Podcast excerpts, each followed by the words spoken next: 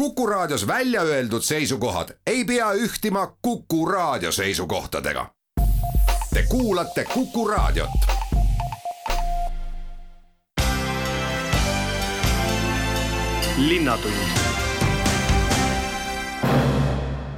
tere tänane saade räägib sellest, kuidas Tartu ja tartlased on Ukrainat aidanud,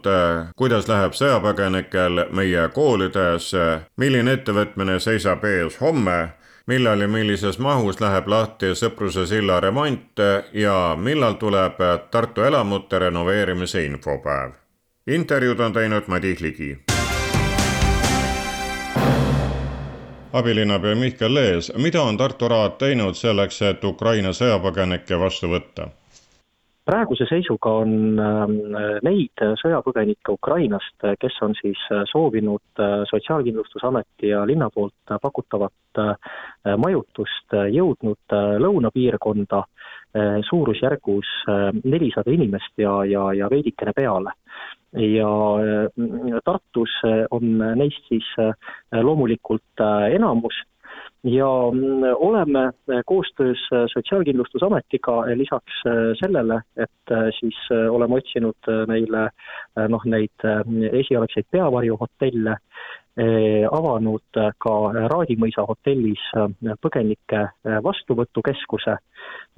kuhu siis on oodatud kõik need inimesed, kes saabuvad Tartusse ja soovivad majutust, kui ka need inimesed, kes on saabunud juba Tartusse ja majutuvad näiteks mõne sõbra või tuttava juures, kuivõrd see on siis selline koht, see Raadimõisa vastuvõtukeskus, kus on võimalik saada siis põgenikel esimest infot selle kohta, mida kas siis Tartu linnal või, või keskvalitsusel on nende abistamiseks pakkuda, neil on võimalus endal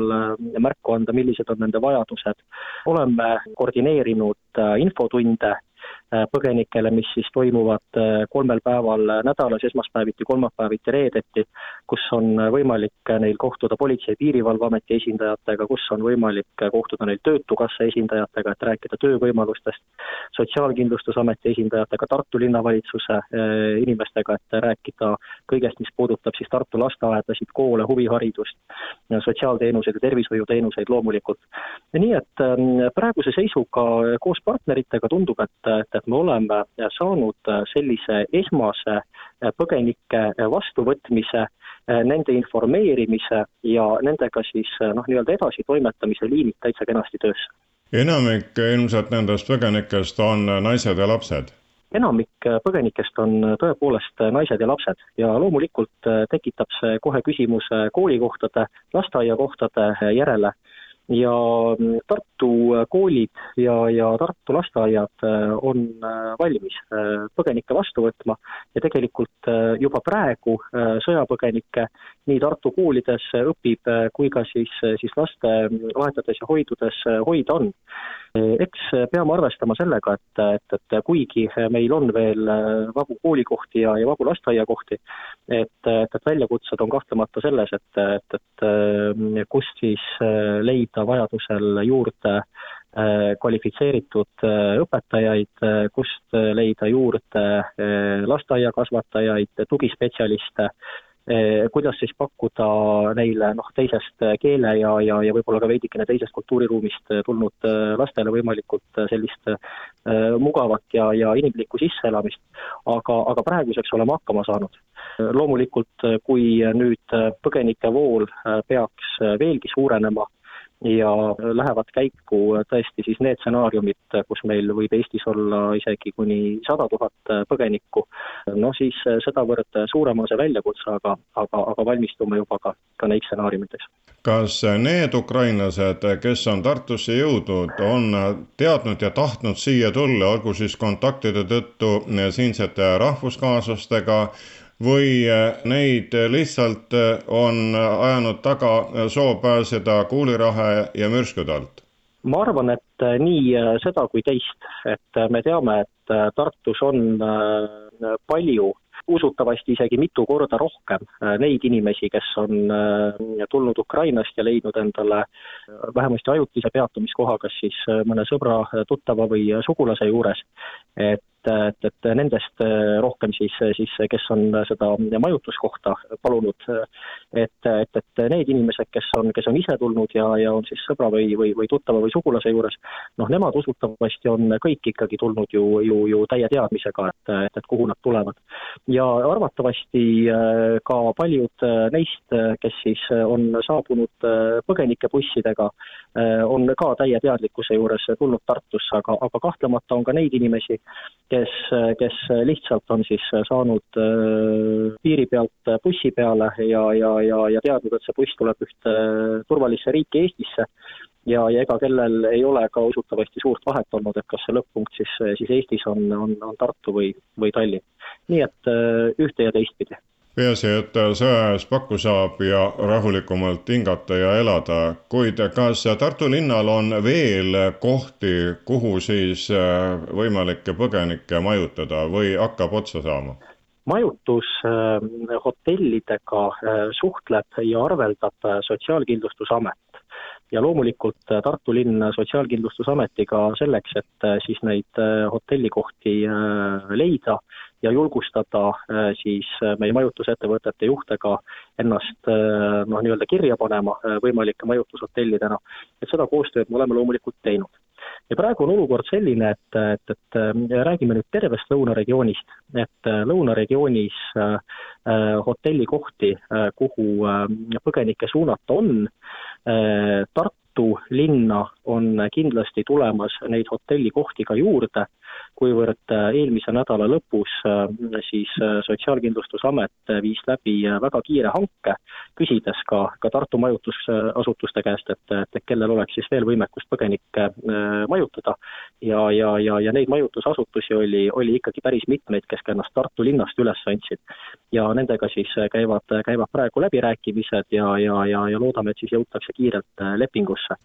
nii et äh, mulle tundub, et, et, et vähemasti äh, lähipäevade äh, ja ehk isegi lähinädala vaates võiks Tartus ja, ja lõunapiirkonnas tervikuna olla äh, piisavalt äh, hotellikohti ja tekkida piisavalt hotellikohti, et, et kõik põgenikud, kes siia tulevad, saaksid ikkagi kohe kiirelt ja väärikalt majutatud. aga loomulikult äh, me oleme valmistunud ka mm, karmimate stsenaariumite jaoks, mõtlen siis seda, kui, kui tõesti peaks juhtuma, et, et, et Tartusse saabub korraga väga palju põgenikke, keda siis ei ole võimalik ühte või teise majutusasutusse suunata. ja selleks on siis, siis ette valmistatud Turu spordihoone, kuhu on siis võimalik vähemasti ajutiselt ka päris mitusada inimest mitusada inimest panna. esimese hooga võivad need põgenikud siis hotellides ja teistes majutuskohtades olla kuu aega? Sotsiaalkindlustusamet tõepoolest on öelnud, et, et, et see esmane majutus hotellides võiks olla kuni kuu aega ja pärast seda siis, siis võiksid need inimesed leida pikemaajalise elukoha, kas siis omavalitsuste sotsiaalpindadel, üüriturult. Ja siin on muidugi olukord keerukas, et ei maksa nüüd kuidagi sinisilmselt arvata, et, et, et see protsess meil kuidagi väga, väga kergelt ja, ja väga kiiresti läheb, kuivõrd võtame näiteks Tartu näite, sotsiaalkorterite baas on meil loomulikult olemas, aga äh, vabu kortereid seal praktiliselt ei ole, kuivõrd äh, seal elavad ju äh, meie enda Tartu inimesed, kellel on olnud siis ühe või teistsugune mure, miks nad linnalt eluruumi vajavad. ja ega me neid inimesi ei saa ega, ega taha ju sealt, sealt siis välja tõsta. ja kui me vaatame Tartu üüriturgu, siis, siis Tartus on suurusjärgus kolmsada pakutavat üürikorterit, mille keskmine ruutmeetri hind on kümme eurot. nii et kui me mõtleme selle peale, et on näiteks ema kahe või kolme lapsega, noh, eh, tal võiks, eh, ma pakun ikkagi viiskümmend ja pluss ruutmeetrit see korter siis olla, kuhu ta kolib, no siis tema peaks selle eest maksma viissada eurot vähemasti, pluss kommunaalmaksed ja, ja, ja, ja see usutavasti eh, enamustele põgenikele käib üle jõu nii et äh, hästi selgelt on vaja siin keskvalitsusel ja kohalikel omavalitsustel panna seljad kokku.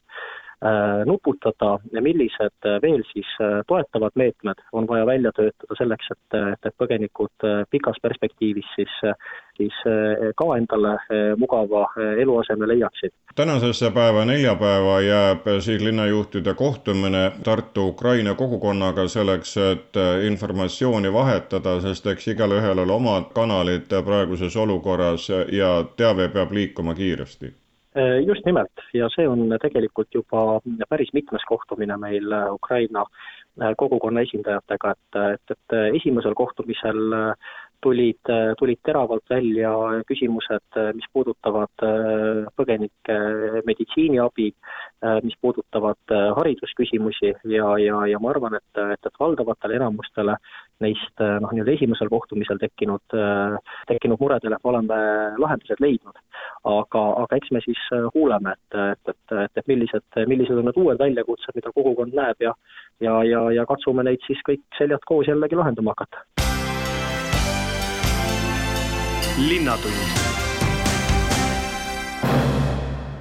jätkan Ukraina abistamise teemat juba Päästeliidu juhi Piia Kallasega, sellepärast et teie liidu eestvõttel on kaks päästeautot, äh, mis tulid Tartu Priitahtlike Pritsumeeste Seltsi käest, nüüd juba Ukraina piirile jõudnud. ja meie aktsioon, mida Päästeliit veab, on, on saanud alguse siis ähm, veebruari viimastel päevadel ja, ja tihedas koostöös siis Ukraina riikliku päästeteenistuse inimestega, et ähm, et tundsime huvi, kuidas päästjad selles olukorras ennast,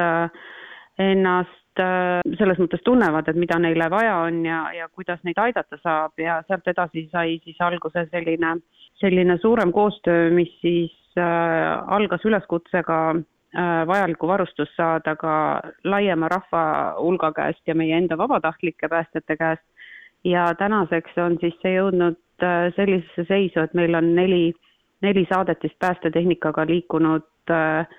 Ukrainasse ja, ja me jooksvalt koondame ja komplekteerime vajalikku varustust äh, siis Ukraina enda soovide alusel, nii et Tartu linna saadetis kahe autoga koos Tartu priitahtlike pritsimeestega on üks osa sellest toetusaktsioonist Ukraina päästjatele nii et äh, teie liidul on oma Ukraina äh, kaaslastega juba varem kontaktid olnud, äh, mitte et need oleks nüüd loodud seoses sõjaga? ei, tegelikult need konkreetsed kontaktid, mille kaudu me täna toimetame, need on loodud täpselt selle, selle sündmuse alguses, et sellisel moel vabatahtlikud päästjad ei ole koostööd teinud riikliku pääste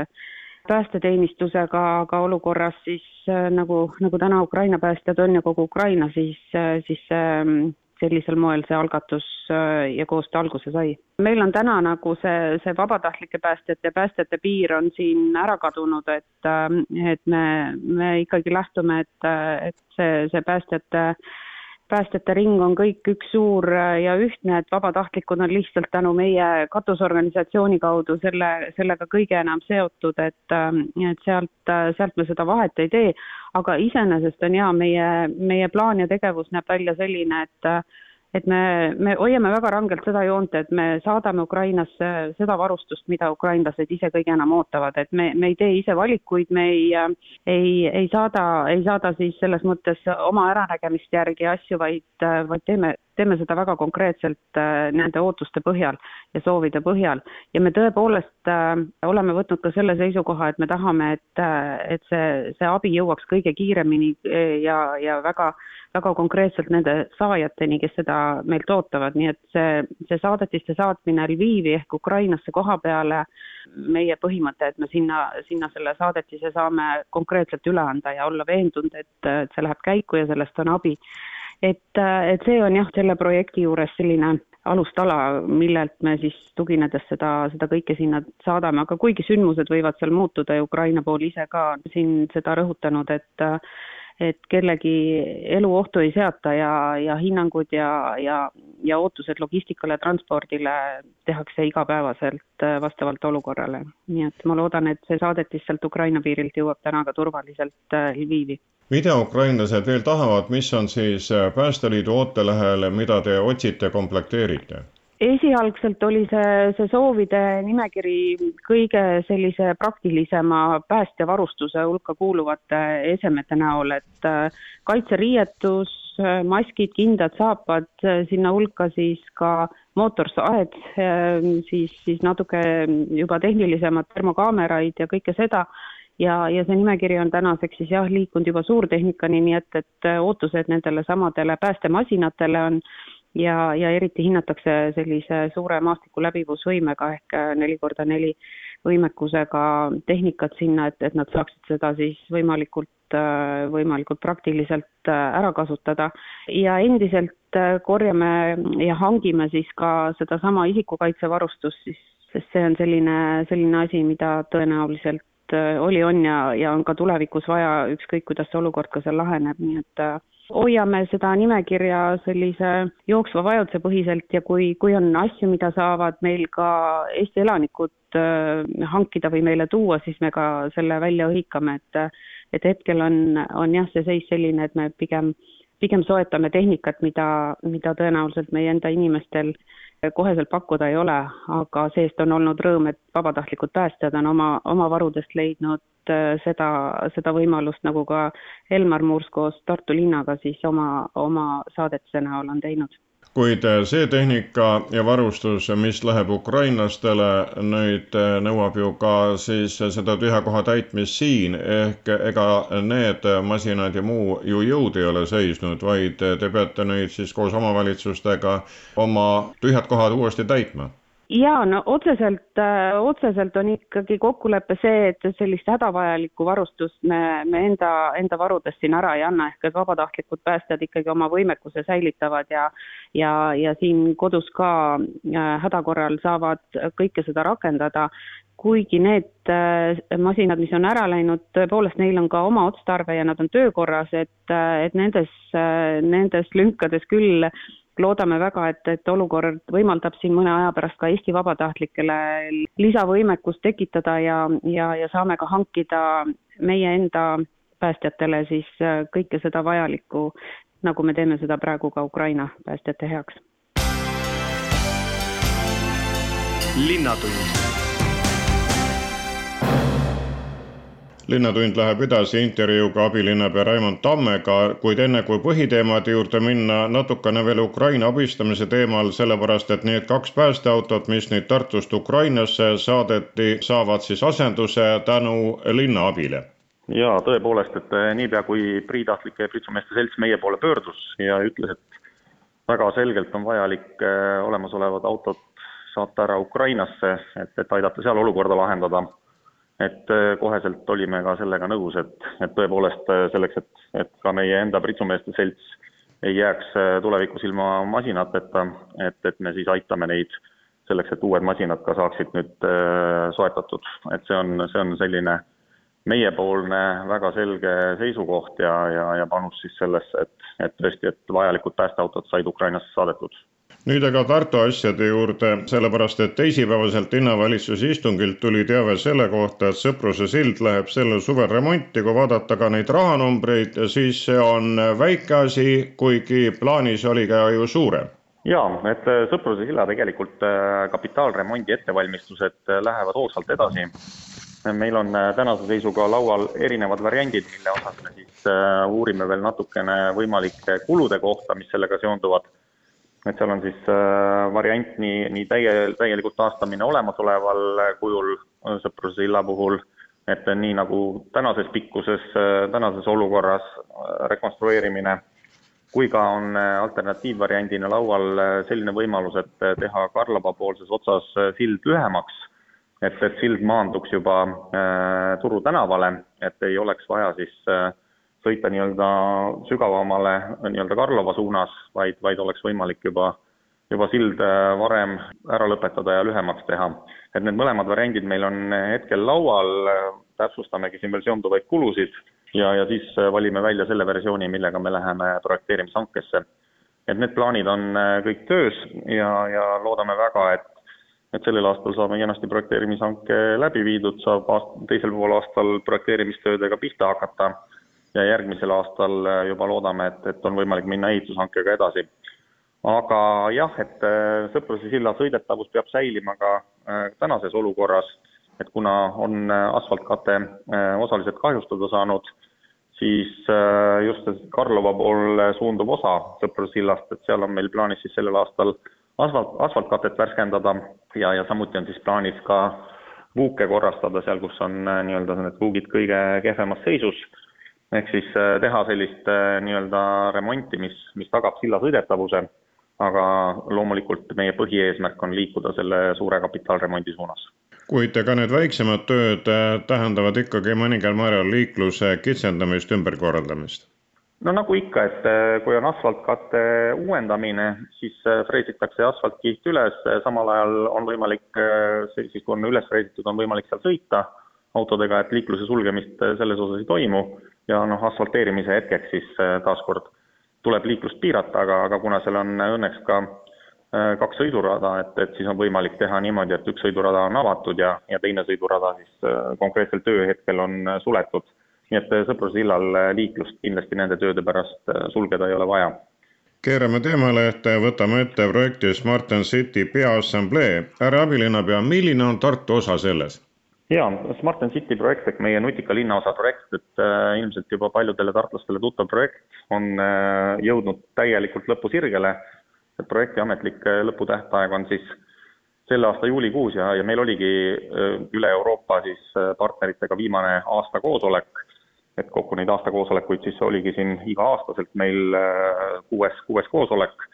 ehk siis äh, mõte on just selles, et et, et vahetada omavahel viimast informatsiooni, tegin siis Tartu linna poolt ettekande, et eh, millised tegevused on ellu viidud, millised on esimesed tugevused ja, ja, ja sellised tulemused, et äh, rääkisin siis nii hoonete renoveerimisest, et teatavasti meil siis kaheksateist eh, Hruštšovka tüüpi korterelamut sai Smart and City projekti raames renoveeritud, sai meil mitusada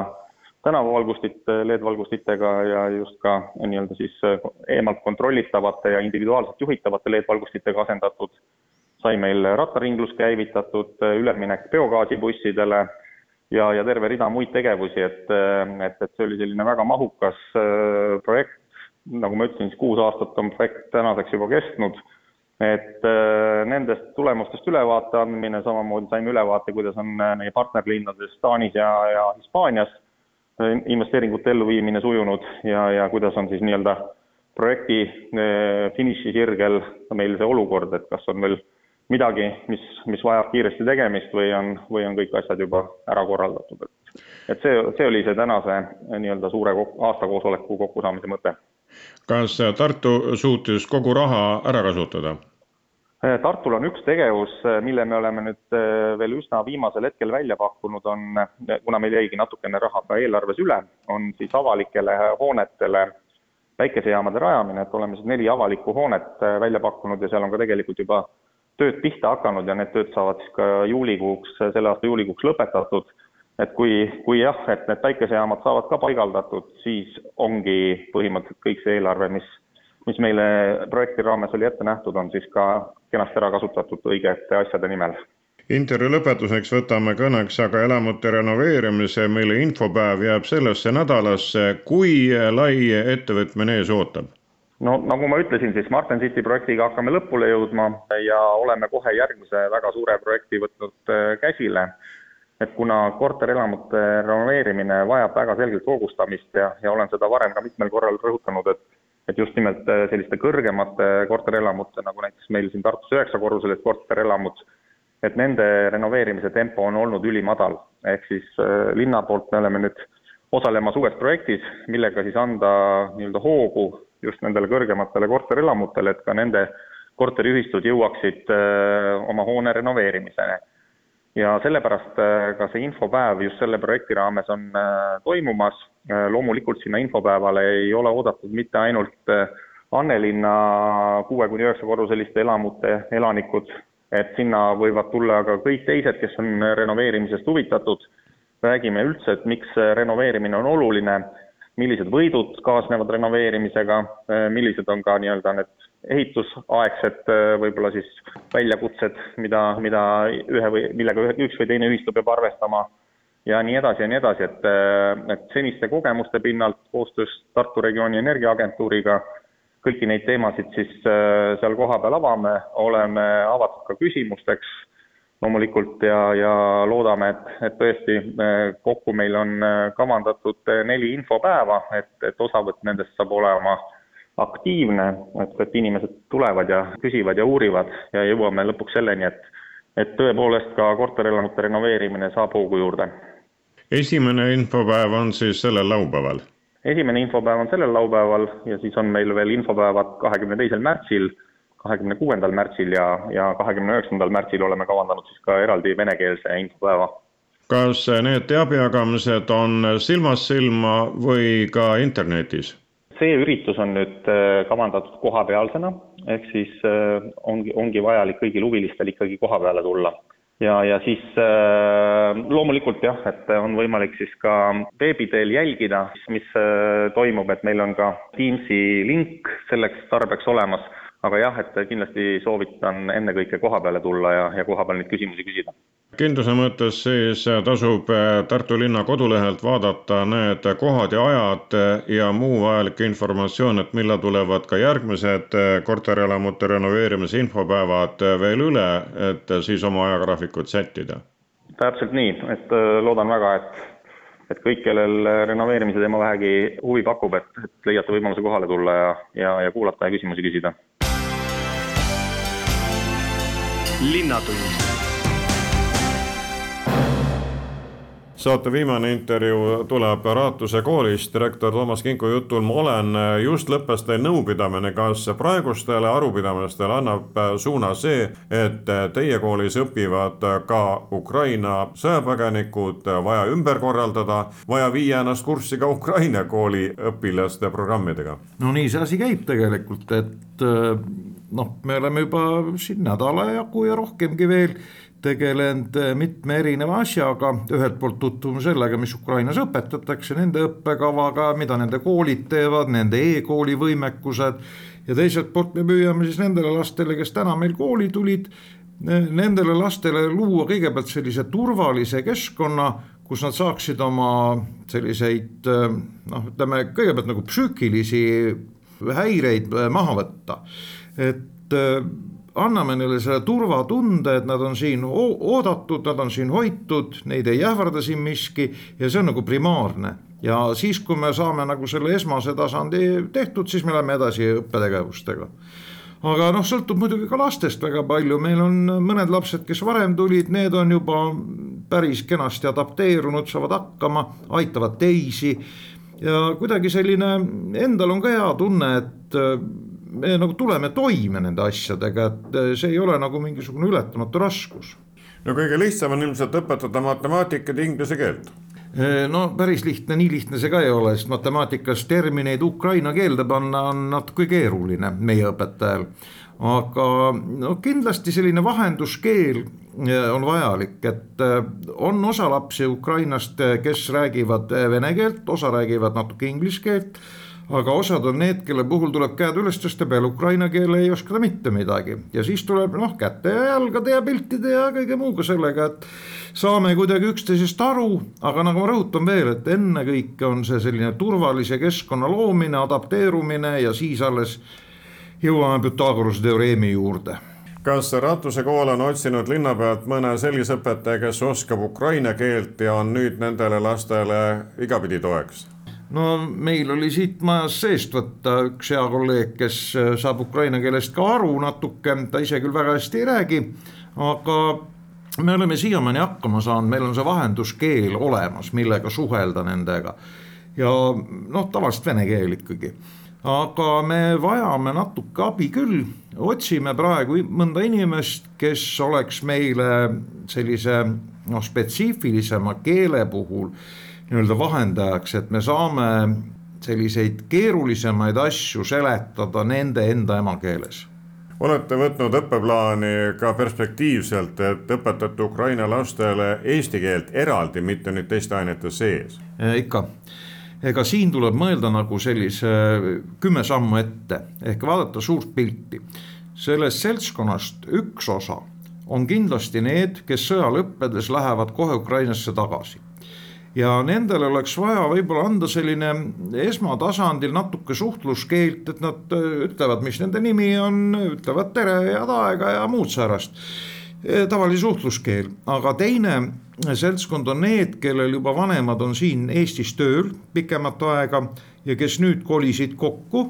ja nende selline edasine käekäik ilmselt sõltub nende otsusest, kui nad siia jäävad, siis on vaja need lapsed tegelikult Eesti kooli tuua, õpetada neile eesti keel kõigepealt selgeks ja siis hakata eesti keeles edasi neid õpetama. et see on nagu selline kaks erinevat teed ja me peame need mõlemad nüüd ühitama siin ja mõlema puhul on erinev metoodika. mida me tahame, kuidas me teeme ja kuhu me tahame välja jõuda.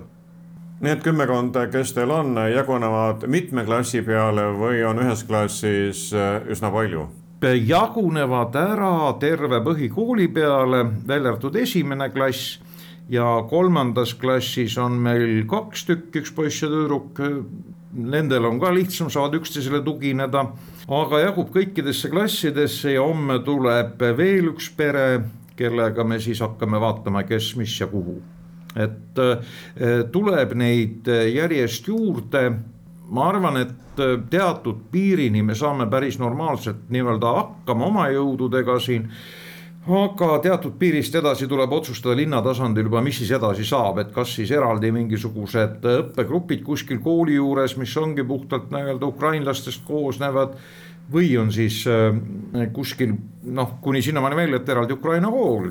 aga noh, see on väga kauge tulevik aga põhimõtteliselt äh, jagunevad nad ikkagi väga-väga laia ampluaaga ja noh, ega mis siin salata, neil on ka erivajadused ja ka nendega tuleb tegeleda ja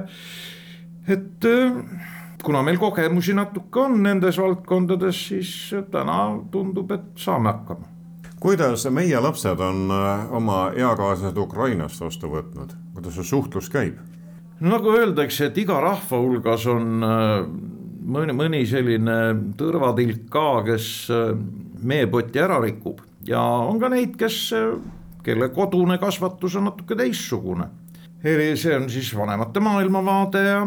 et ei vaata selle asja peale sugugi mitte kõige leebema pilguga ja et no mis nad siis tulevad siia meie õue peale ja. aga noh, ütleme üheksakümmend üheksa protsenti lastest on väga toetavad ja lausa rõõm on vaadata, kui näed kuskil üks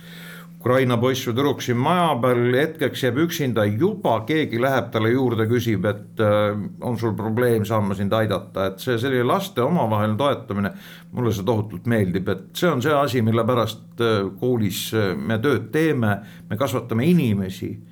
mitte ei õpeta aineid mulle meeldib aga väga see teie õpilaste initsiatiiv, mis lahendab kindlasti homme paljude tartlaste lõunamure, sellepärast et Paratuse kooli lapsed on välja käinud idee, mis õpetajate juhtkonna poolt on heaks kiidetud, et teha heategevuslik Borsi lõuna ja see tuleb siis homme reedel. homme reedel kella kaheteistkümnest kella kaheni on meil selline kena võimalus nautida Ukraina köögil põhinevat lõunaainet meie kooli õues. tegelikult see asi sai sellest alguse, et kaheksanda klassi tüdrukud tulid välja ideega, et võiks midagi säärast teha. Läksid õpetaja juurde, rääkisid õpetajale augu pähe, õpetaja tuli, rääkis mulle augu pähe ja nii me teemegi selle asja ära. pakutakse borši, pakutakse vareenikuid, mis seal veel oli, kolmekomponendilist lõunasööki ja tundub, et äh, lapsed on väga aktsioonis ja väga nagu läbimõeldud asja, asjale lähenevad, lausa rõõm kas selle lõuna organiseerimisel ajate läbi kooli omade jõududega õpilased, õpetajad, kokad või olete ka mõne lapsevanemast ukrainlase appi võtnud? Äh, ei, seda me veel ei ole, aga äh, nemad on kindlasti oodatud meile. põhiliselt ikkagi lapsed, oma õpetajad, ühe õpetaja sõbranna tuleb appi veel, kes ise tahtis ja ega siin nagu väga midagi kosmost ei ole eks selle väikse sellise lõunasöögi organiseerimine on üks osa ka meie inimeseks kasvatamisest. ning need, kes tahavad ukrainlasi toetada, need on reedel lõuna ajal siis Ratuse kooli õue peale teretulnud? ja loomulikult kõik on teretulnud ja peab rõhutama, et lõunasöök iseenesest on tasuta antaks täitsa ilma rahata, aga me kindlasti, lapsed ootavad seda, et inimesed toetaksid natuke Ukraina inimesi ja on väljas annetuskastid, kuhu saab siis nii-öelda oma toetuse panna, mis läbi Eesti Punase Risti läheb siis Ukraina toetuseks. see oli laste endi otsus nii või teisiti, võta sa nüüd koolitöö, õppetöö seisukoha pealt või ka selle heategevuse poole pealt, see olukord, mis on praegu Ukrainas, sõda on õpetanud nii suurtele kui väikestele inimestele rohkem elu ja teisi märkama oma kõrval ja ka need aitama ja otsima neid teid, kuidas toeks olla nendele, kes on sõja eest meile varju tulnud. no kui me ajaloos natuke lehti tagasi kerime, siis neljakümne neljandal aastal ja ka varem nelikümmend üks tegelikult ju meie enda inimesed läksid ära Eestist, kellel õnnestus ja kuidas neid vastu võeti ja samamoodi tegelikult ka need inimesed, kes sinna teisele poole läksid, Siberi poole, ka nemad rääkisid selle lihtsa venelase südamlikkusest, kuidas neid vastu võeti. et no see on üks osa sellest äh, inimeseks olemisest, mida me tegelikult kõik eeldame, et kui sa näed, et kellelgi on raske, siis sa lähed ja toetad, mitte ei anna talle veel seda viimast hoopi, et ta üle parda kukuks, et see on nagu selline suhtumise küsimus, see on kasvatuse küsimus, see on asi, mida ma isiklikult väga väärtustan, et äh, su hinne võib olla kolm, aga sa pead inimene olema. Kallid kuulajad, täna rääkisid teiega Tartu abilinnapead Mihkel Lees ja Raimond Tamm Päästeliidu juhatuse esimees Piia Kallas ja Raatuse kooli direktor Toomas Kink. Neid usutles Madis Ligi. aitäh kuulamast, olge terved! linnatund